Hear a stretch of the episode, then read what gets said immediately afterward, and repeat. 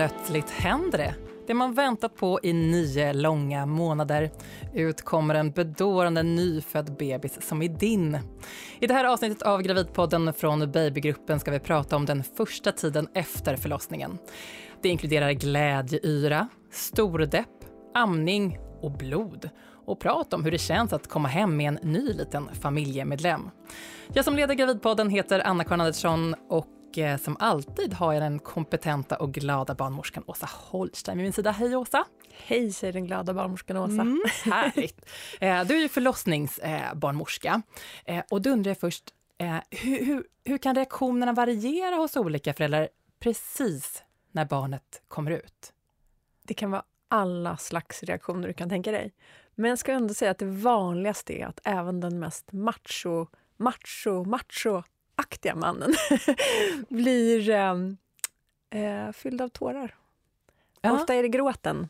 Och det är väl också en, en anspänning som släpper det här arbetet som har varit under förlossningen och den här nervositeten som det är. Ska barnet vara friskt eller inte? Och alla tankarna man har. Och sen så det här sista, sista hårda jobbet och så blir det tyst en liten stund. Så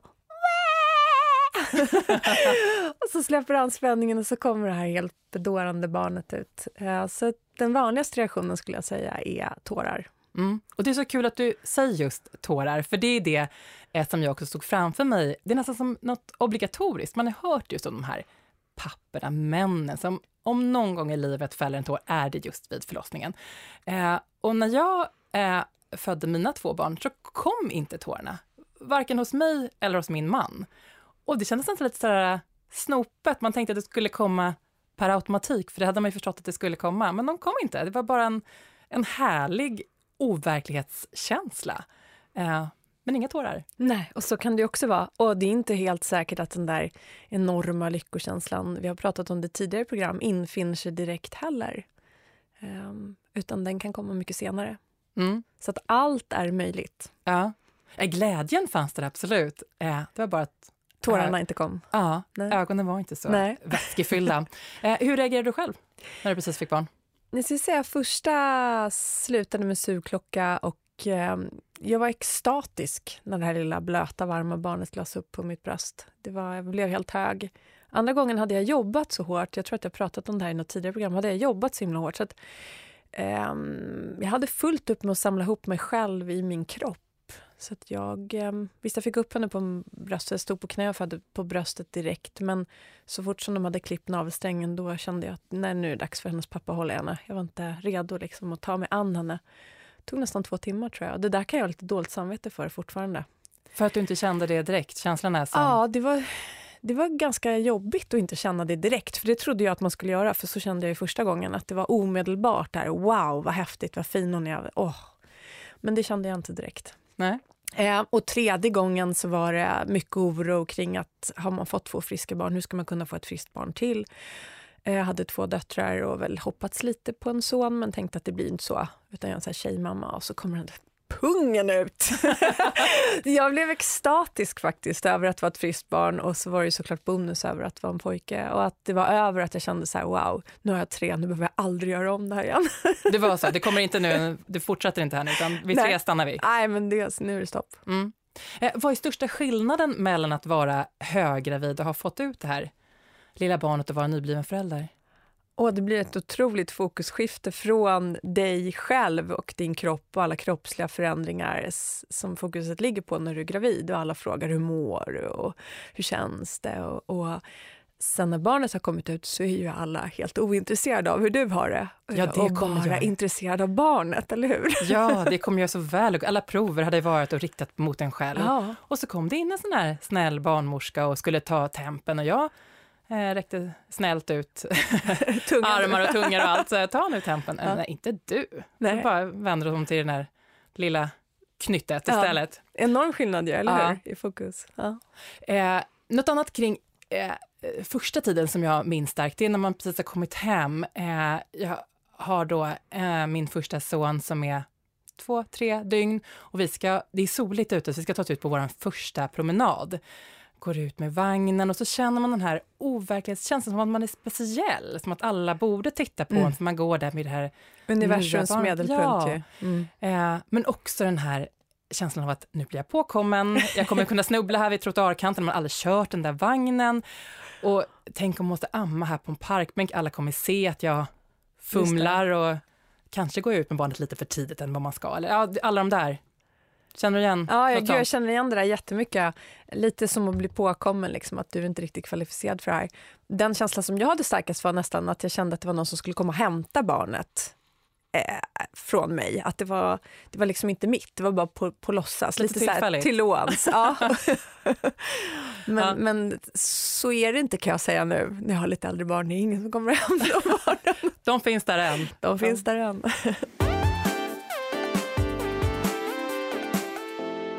har vi kommit fram till programpunkten Sant eller falskt. Här radar vi upp lite påståenden och du, Åsa, säger helt enkelt om eh, det stämmer eller inte. Och här handlar det om eh, första bebistiden. Eh, vi börjar med påståendet jag har små bröst. Det tyder på att det kommer att bli svårare att amma. Sant eller falskt? Falskt. Superfalskt, till och med. Eh, bröstens storlek har ingenting med din förmåga att kunna amma eller inte. Det bestäms av eh, andra faktorer. Eh, bröstkörtlar till exempel. Det är de som producerar mjölk. Jag har ju en liten byst, jag har alltid haft massa mjölk. Så det har inte med det att göra. Helt falskt. Barnet måste få ett namn senast i återbesöket ett par dagar efter förlossningen så att det blir namngivet i, i sjukhusjournalerna. Det är också falskt. Man har tre månader på sig att komma på ett namn till barnet. Ehm, sen måste man anmäla det till Skatteverket. Har man inte gjort det kan man faktiskt få vite. Mm, eller så slumpar de ut namn kanske, blir det vad som helst. Eh, om jag tappar det nyfödda barnet i golvet så dör det. Sant eller falskt? Falskt skulle jag säga, men det är klart har du riktigt, riktigt, riktigt otur och barnet hamnar helt fel, faller från hög höjd på ett hårt golv. Visst, pytteliten risk. Så säger jag pratade med en god vän och kollega som är barnläkare. Hon sa att om barnet rullar ner eller trillar ner från en säng eller en soffa, skriker direkt, så är det nästan aldrig något problem. Däremot om det trillar ner från skötbordet på ett hårt underlag så finns det en större risk. Um, är man orolig för att barnet har trillat ner i golvet och särskilt om barnet inte har skrikit direkt utan blivit lite slött, velat sova eller börjat kräkas ska man självklart söka upp sjukvården för en kontroll. Eh, nu när barnet kommit ut, ja då är det fritt fram att dricka alkohol efter nio vita månader. Ja, det är ju sant. Man kan dricka alkohol när man ammar. Men det är klart att man ska använda sitt sunda förnuft. Varje glas alkohol man dricker minskar ju ens reaktionsförmåga och, och gör en långsammare överhuvudtaget. Och det är ett litet barn som du har att ta hand om. Mm. Eh, första veckorna med bebis, ja det är som semester. De sover ju minst 22 av dygnets 24 timmar. Sant eller falskt? Falskt skulle jag säga eh, om utifrån min erfarenhet av hur jag har semester då man tänker att det ska vara lite lugnt och skönt, man ska kunna vila upp sig, men det där beror på vad man har för syn på semester. Men jag ska inte säga att det är semester, nej, det är ju eh, mycket jobbigare än man oftast tror. Mm. Och de sover ju inte 22 timmar i sträck heller, utan de där nej. två vakentimmarna de sprids ut över ja. dygnet. Eh, att gå ute bland folk med en nyfödd bebis, ja, det bör undvikas i möjligaste mån. De ska hållas borta från bakterier och virus och knyta an till sina föräldrar i hemmiljön. Nu måste jag ändå svara sant.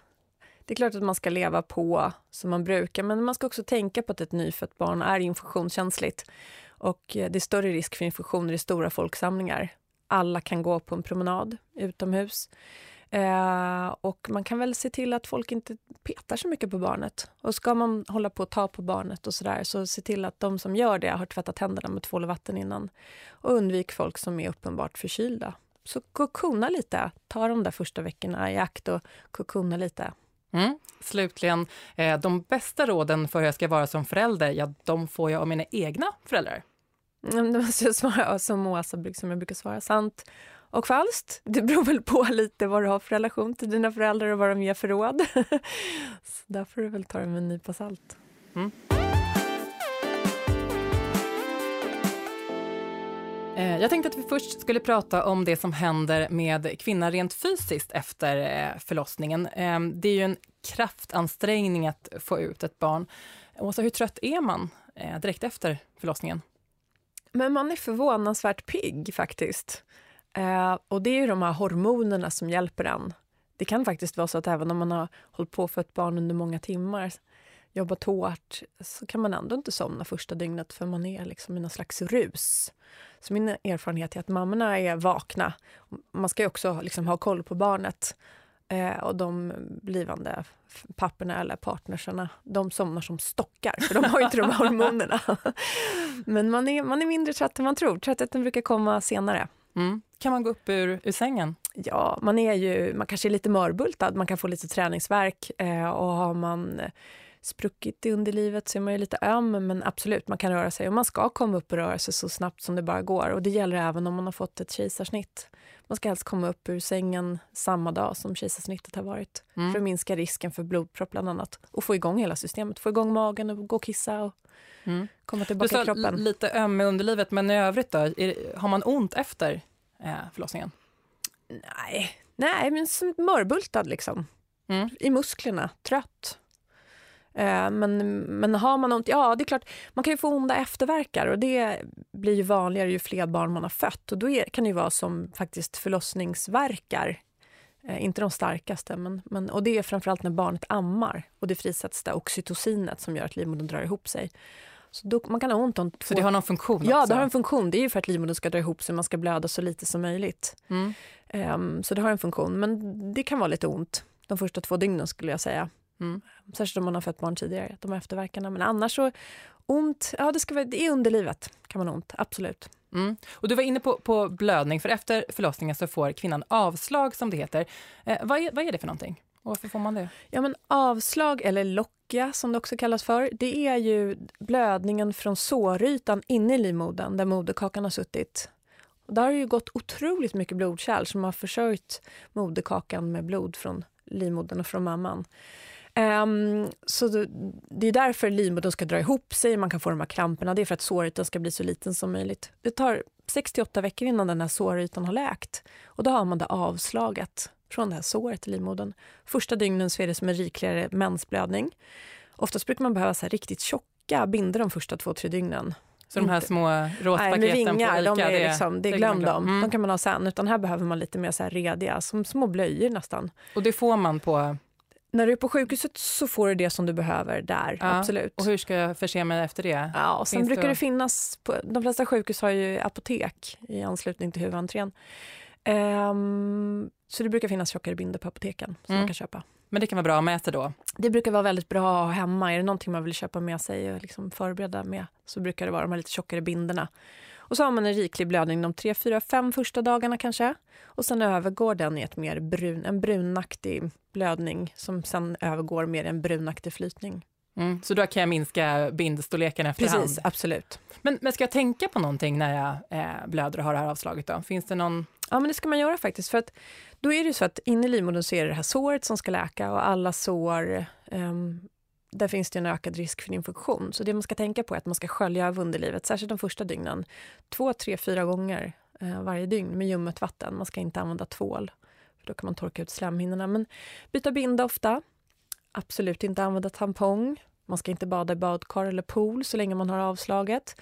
Och efter några veckor om man blir sugen på sex igen så ska man vara noga med att använda kondom i sådana fall. Mm, varför det då? Också infektionsrisken? Ja, för infektionsrisken. Mm. Eh, ska man äta någon speciell kost med tanke på att man då kanske tappar mycket blod? Eller? Livsmedelsverket har ju rekommendationer för ammande, så de kan man ju med fördel följa. En allsidig kost. Uh, har man förlorat en del blod eller känner sig trött så kan man ju fortsätta att äta järntillskott om man har gjort det under graviditeten. Eller börja göra det om man inte gjort det. Magen har ju varit riktigt stor på sluttampen av eh, graviditeten. Nu när barnet har kommit ut, hur, hur ser magen ut då? Ja, hur såg din mage ut? alltså det var, ja, den var ju väldigt, väldigt mjuk. Ja. Det var ju lite mage kvar fast det liksom inte var Du blir som en deg, som en ja. vetedeg tycker jag, om jag bakar bullar. Ja. Lite så varm och wobblig och, och degig. Och min upplevelse alla gånger har varit att jag blivit väldigt smal direkt när barnet har kommit ut. Men när jag tittar på bilder så ser jag fortfarande ganska rejält gravid ut.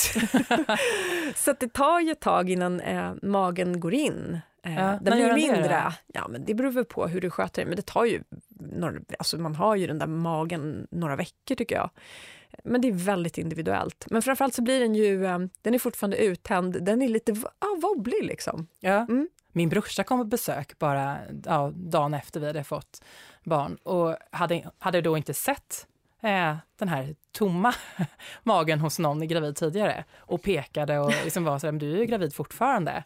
Eh, det, det, man, om man inte har sett det tidigare så, så kan man ju få för sig att det ska bli helt platt i och med att barnet är ute. Just det, och det blir ju inte heller. Och, men, men om man tänker så här att precis när du har fött, precis innan barnet kommer ut, då står ju livmodern om du är fullgången, precis under revbenen. Och sen så fort som barnet har kommit ut och moderkakan har kommit ut, då drar den ju väldigt snabbt ihop sig och är typ i navelplan eller under naveln. Så fortfarande den första, den första veckan så har du ju fortfarande en livmoder som också tar lite plats.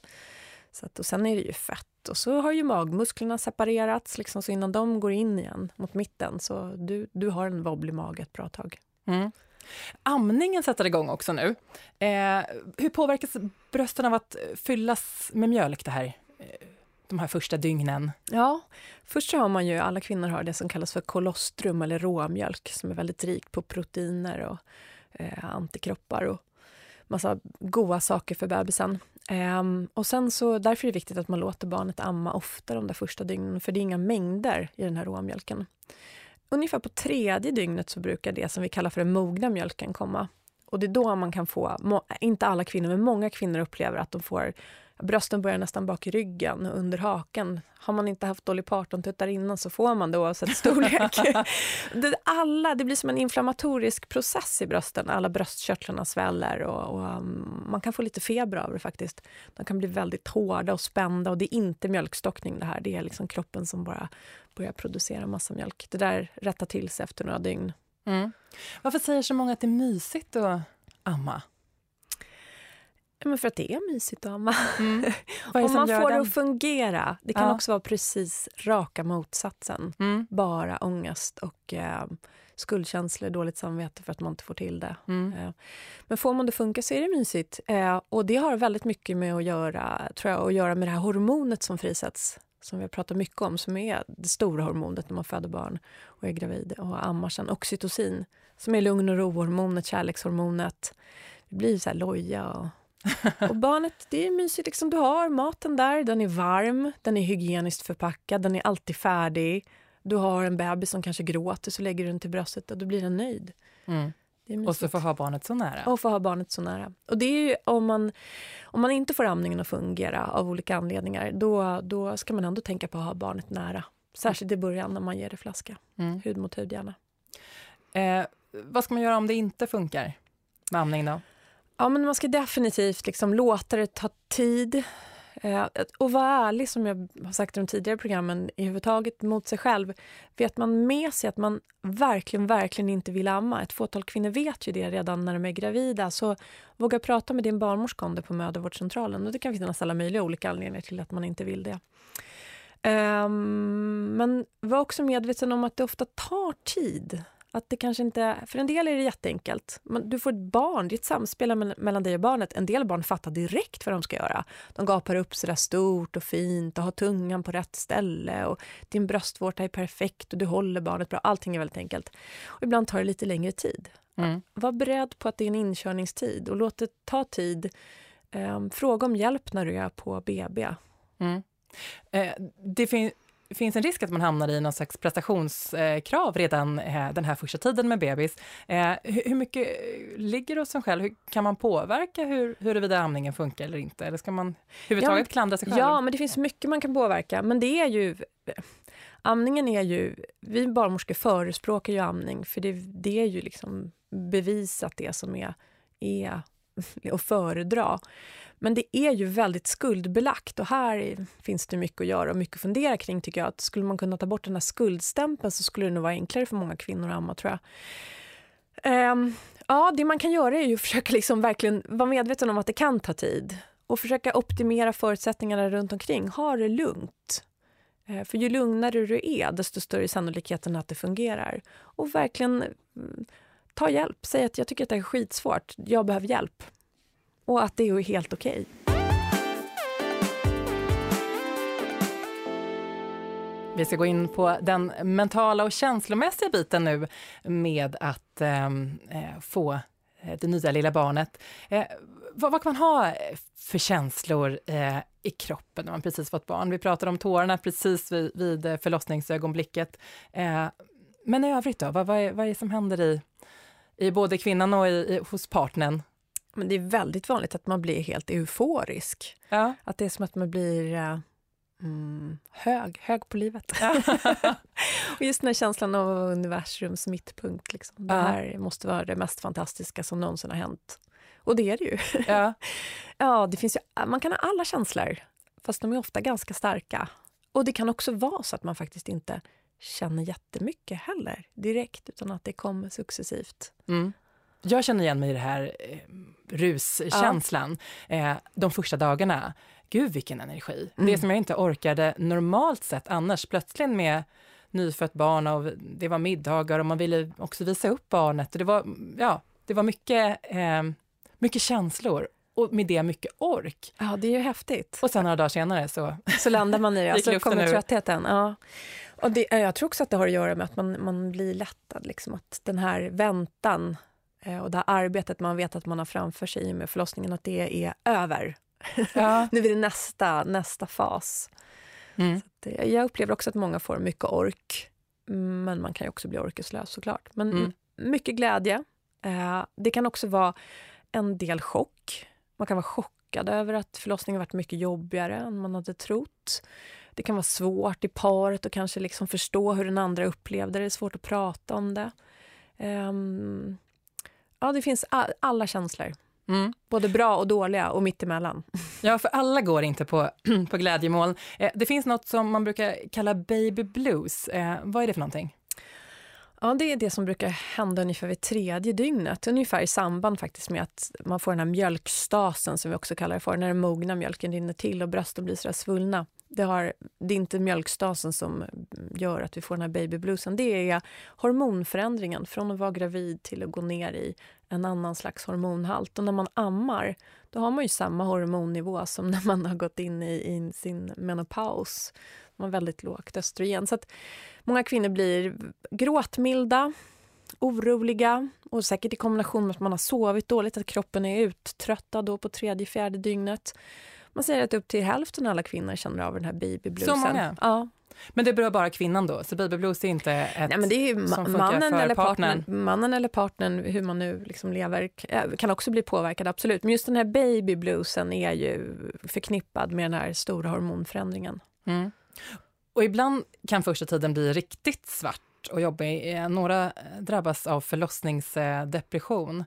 Eh, Vad innebär det? Vad är det för symptom då? Men då säger man faktiskt att det är så många som en till tio som kan drabbas av det. Och symptomen är ju att man känner en extrem trötthet. Eh, man kan ha svårt att koncentrera sig. Eh, man kan känna sig otillräcklig. Eh, man kan ha skuldkänslor. Man kan vara, ha känslor av oro och panik. Och min upplevelse är att det ofta är väldigt...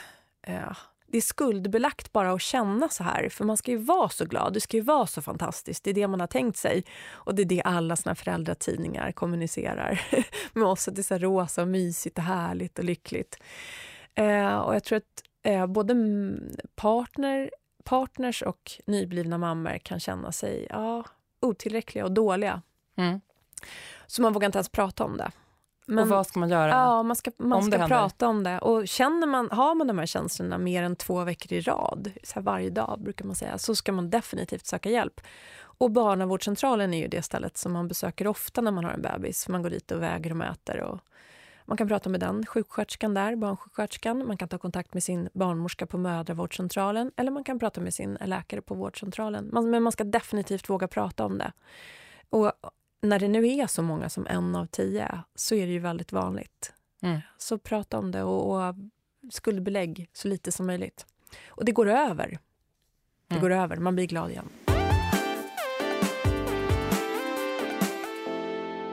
Vi ska strax gå in på hur det är att komma hem med ett nytt litet barn. Men först programpunkten Åsa svarar.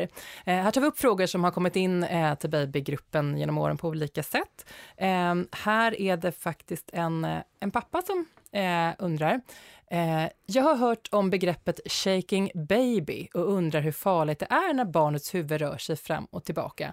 Vi bor vid ett torg med rätt stora och ojämna kullerstenar. Ska jag undvika att köra barnvagnen där den första tiden? Eh, ska vi börja med själva begreppet då, shaking baby? Eh, vad är det för någonting? Shaking baby är när man tar upp barnet och ruskar det. Och det gör föräldrar. Eh, studier visar att män gör det i större utsträckning än kvinnor. Det gör man i total frustration, oftast i kombination med sömnbrist och att barnet gråter och gråter och gråter och gråter och gråter och man får det inte att bli lugnt. Man tar upp barnet, håller under armarna och skakar det. Och det blir samma effekt som att barnet skulle vara med om en bilolycka och få en svår whiplash. Barnets nackmuskler orkar inte hålla emot det. Huvudet som är oproportionerligt stort i förhållande till kroppen. Så huvudet åker fram och tillbaka. Och eh, Det är väldigt, väldigt farligt för barnet. kan orsaka barnet jag har läst att 25-30% av barnen som blir skakade så där dör eh, och en väldigt hög procent får allvarliga hjärnskador. Mm. Så, så skaka aldrig barnet? Skaka aldrig barnet, hur frustrerad du än är. Och det tänker man så innan, nej men jag som är så sansad och klok och välutbildad och jag kommer aldrig göra det. Men har du inte sovit ordentligt eh, på flera dygn, eh, du har en bebis som bara gråter och gråter och gråter. Även den starkaste av oss kan få den här impulsen. Öppna ett fönster, gå ut ur rummet. Det är inget farligt om barnet fortsätter att gråta. Låt barnet ligga kvar i sängen och gråta. Ring någon, ring en kompis, ring din mamma, ring till sjukvårdsupplysningen, gör någonting. Men ta inte upp barnet och skaka det. Nej. Men däremot så kan såklart barnet ligga kvar i vagnen om du kör det på kullersten och det, i en vagn. För här, det är ja. stora och rätt ojämna kullerstenar, så det låter som att det är rätt guppigt i den här vagnen. Ja, den vaknar väl och börjar gråta och tycker inte att det är härligt. Nej, men huvudet åker inte fram och tillbaka som om du tar upp barnet och skakar det. Det blir inte det den effekten? Inte. Nej, absolut Så inte. den här pappan kan vara lugn över kullerstenarna men... Han kan vara lugn över kullerstenarna, ja, ja. men aldrig, aldrig skaka barnet.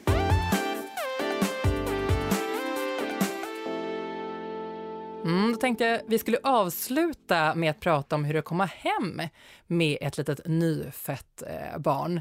Eh, nu är det några år sedan för dig, Åsa. Kommer du ihåg hur det var? Ja, det gör jag. Ja. Uh, det är en Kodak moment. Ja, men det är stort. Särskilt, eh, jag tycker alla barnen, fast på olika sätt. Men första barnet är väldigt, väldigt stort. För då har man gått, klivit ur sin bostad som bara vi.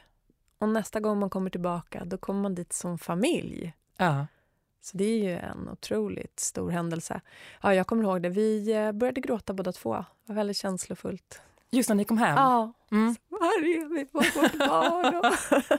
ja, jo, det var Hur mycket hade ni förberett då? Var det liksom ja, men vi klättrat? Nej, vi hade, lilla... ja, men sängen var färdig, vi hade en vagn, vi hade lite kläder. Jo, skötbordet var ganska färdigt. Mm. Verkligen ganska färdigt. Mm. Um, kanske inte badbalja, alla grejer det hade vi inte. Men, men det där basic, det hade vi, det var färdigt. Så ja. jag kommer ihåg det. Men sen är det coolt, andra gången så var det coolt för då blev man ju mycket större familj. Och tredje gången kommer jag ihåg, då var jag helt hög på att wow vad många barn det är! Det är barn överallt! Vilket det är också. ja, det är det. Med tre stycken. Så det är liksom roligt på olika sätt. Nej, men det är jättehärligt att komma hem. Mm. Det är det man har det är det man längtar till och det är det jag brukar snacka om på de här profylaxkurserna. Att ha en målbild eh, som är liksom efter förlossningen, till det där du längtar efter, det där som du får gåshud av att tänka på. Det brukar ju vara att komma hem mm. till och börja sitt liv liksom, som familj. Ja, och, och, vi bor i ett flerfamiljshus i, i lägenhet, så då hinner man ju möta grannar på vägen också. Man passerar i korridoren ja. uppe i hissar och sådär. Så går man med det där lilla, lilla eh, nyfödda. Eh, och det är bara just då som barn får så enormt mycket uppmärksamhet, som precis eh, när de är nyfödda. Ja. Oj, vad folk ska titta ner och, och jämföra och ja. minnas. Eh, som faktiskt bara några månader senare blir helt... Eh, men det är ju också så otroligt inte kort blasé, tid. Men, men det är en ja, kort tid. Det är så kort tid, de är så där små. När de är så där små, alla rörelserna är som de skuggboxas. Ja. Det, är bara, det är bara några dagar egentligen. Så ja. det är ju väldigt speciellt. Och ta fram de där små söta oh. bodysarna som man hade köpt. Mm. Och få sätta på dem, mm. och den där filten. Jag vet inte, det är något speciellt med filten. Mm. Den där filten. ja, men det är också så där, man har tänkt ut den där filten. Oh, ska linda in barnet i filten. Men det är ju fantastiskt mysigt på många sätt. Mm. Jag kunde också glömma bort det lite. Alltså att, att du hade barn? Ja, men alltså att man inte landade i... Ja. Eh, för det är ju perioder där det verkligen är hela tiden. Men sen så måste man nästan gå och titta ner i den där lilla korgen. Just det, det ligger ju här. Att man inte, alltså overklighetskänslan fanns fortfarande hos sen det första dygnet.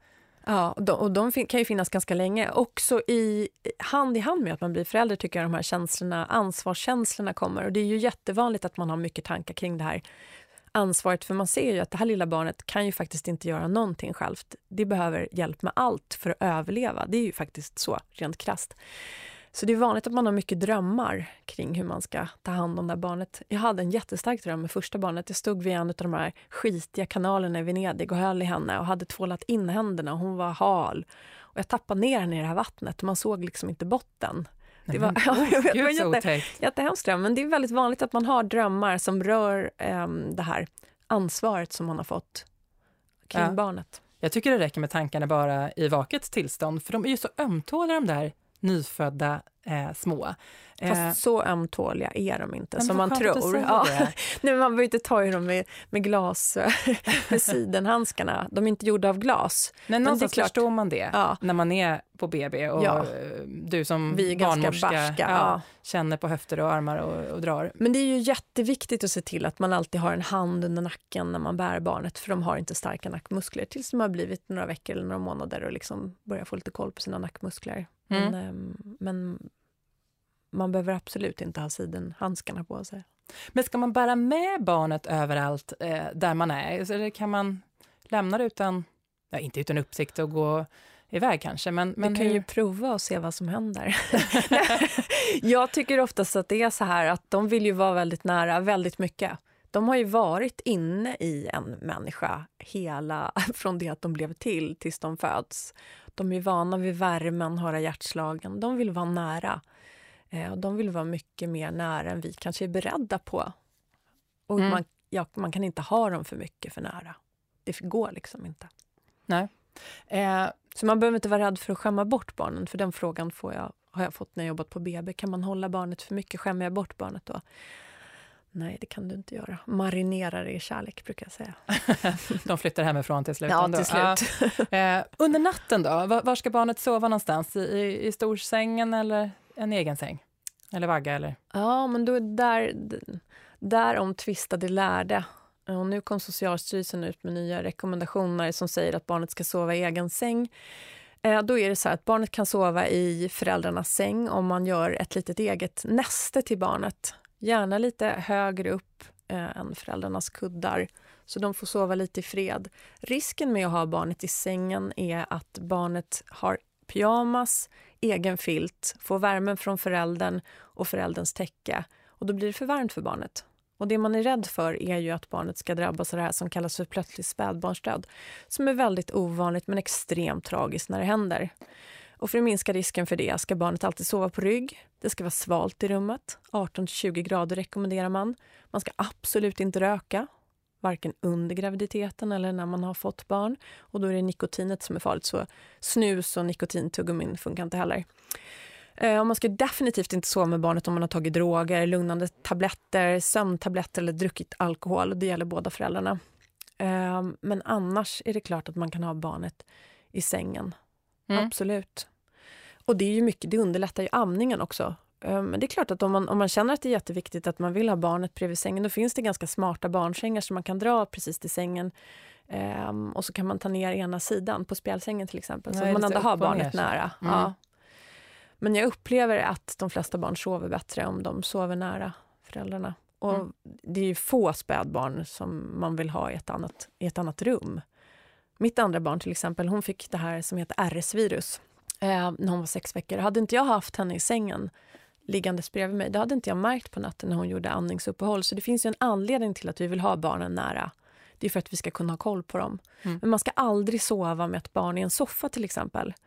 Där finns det större risk att barnet ramlar åt sidan, mot ryggstödet kanske, och, och får svårt att andas därför. Mm. Eh, Långt svar. långt Ja, svar, långt men svar. bra. Men det är viktigt, och här är också viktigt liksom, eh, att man skaffar sin egen uppfattning som förälder. Gå på sin magkänsla, läs på kring det här. Det finns väldigt mycket råd och rekommendationer. Barnhälsovården har en jättebra sida på internet som man kan kolla upp. Och även Vårdguiden har mycket bra och kloka råd kring det här. Eh, överhuvudtaget har Vårdguiden väldigt mycket bra information om första tiden med barnet, amning, samsovning som det kallas för eh, och allt man undrar över med barnets bajs och prickar och bröstmjölksersättning och mm. amning och så. Mm. Så har man inte fått alla svaren av oss nu så, så kan man gå vidare på annat ja. håll. Eh, alla är ju rookies eh, som föräldrar i början. Eh, vilka råd skulle du vilja förmedla som både barnmorska och erfaren mor till dem som snart eller eh, precis har kommit hem med en liten nyfödd? Ja, men herregud vilken rookie man är. Och ja. Många av oss har inte ens hållit i en nyfödd innan man får barn själv. Och så är man där. Liksom. Och det är prickar och det är bajset och det är raparna och hur mycket ska de äta, hur mycket ska de kissa? ja, så är man den där föräldern ja. som har bara sett andra på håll och ja. haft lite åsikter ja. om. så är man själv som ska fixa det. Ta det lugnt. Mm. Var snäll mot dig själv. Um, det är ganska så svårt att göra fel, faktiskt. Och är det så att man inte kanske tvättar barnet på exakt rätt sätt så är inte det någon fara. Man får fumla med en blöja också? Man får första, fumla första med en blöja ja. och man får glömma att byta en blöja. Men ta det lugnt, gilla läget och tänk på att när det är jobbigt så, så ha ändå förtröstan i att det kommer bli bättre. Det blir bättre. Mm. Man kommer få sova mer och man kommer få mer koll på hur barnet fungerar, vad det har för behov och sådär. Men ta vara på den tiden när barnet sover och försök sova då. Um, och så tycker jag också så att eh, utnämn en eller två bra vänner, en syster, en mamma, din svägerska som du litar på, som du känner att du har samma värderingar med och ha dem som ditt bollplank. Så fråga inte alla om råd, för du kommer få väldigt många olika råd och det är förvirrande. Mm. Så utnämn en eller ja, två. Gud, ja. no, eller det är hur? många som är ja, pigga på att dela med sig av råd mycket. till nyblivna föräldrar. Och jag vet att jag själv, fast jag har varit så, ganska så säker i min föräldraroll, blivit osäker varenda gång jag läste de där föräldratidningarna. För där är så mycket råd och tips. Jag tänkte så gud, så där är inte jag. Borde jag göra så där? Är det där bättre? För det är det det handlar om hela tiden. Man vill göra det bästa för sitt barn. Mm. Och det som är det bästa för någon annan är inte alls säkert att det är det bästa för mig. Mm.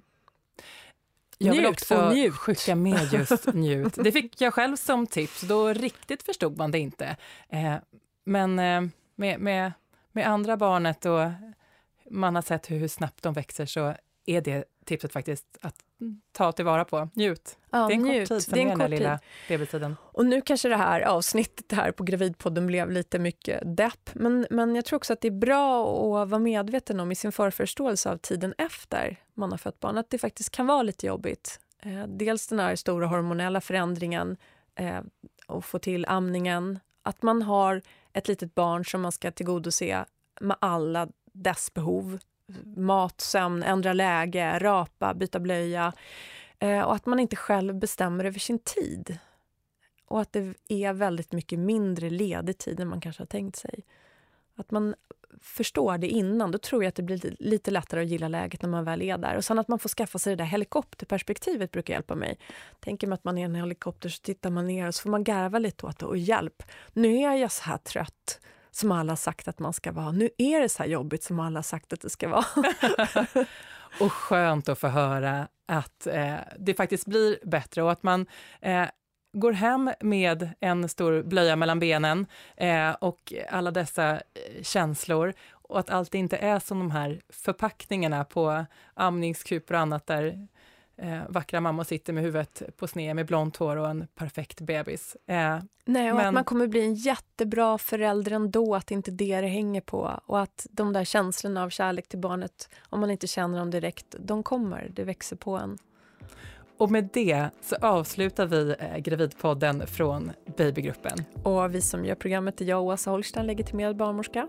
Och jag som heter Anna-Karin Andersson. Och det återstår att säga att Gravidpodden från Babygruppen görs av produktionsbolaget Munk. Tack och hej! Hej!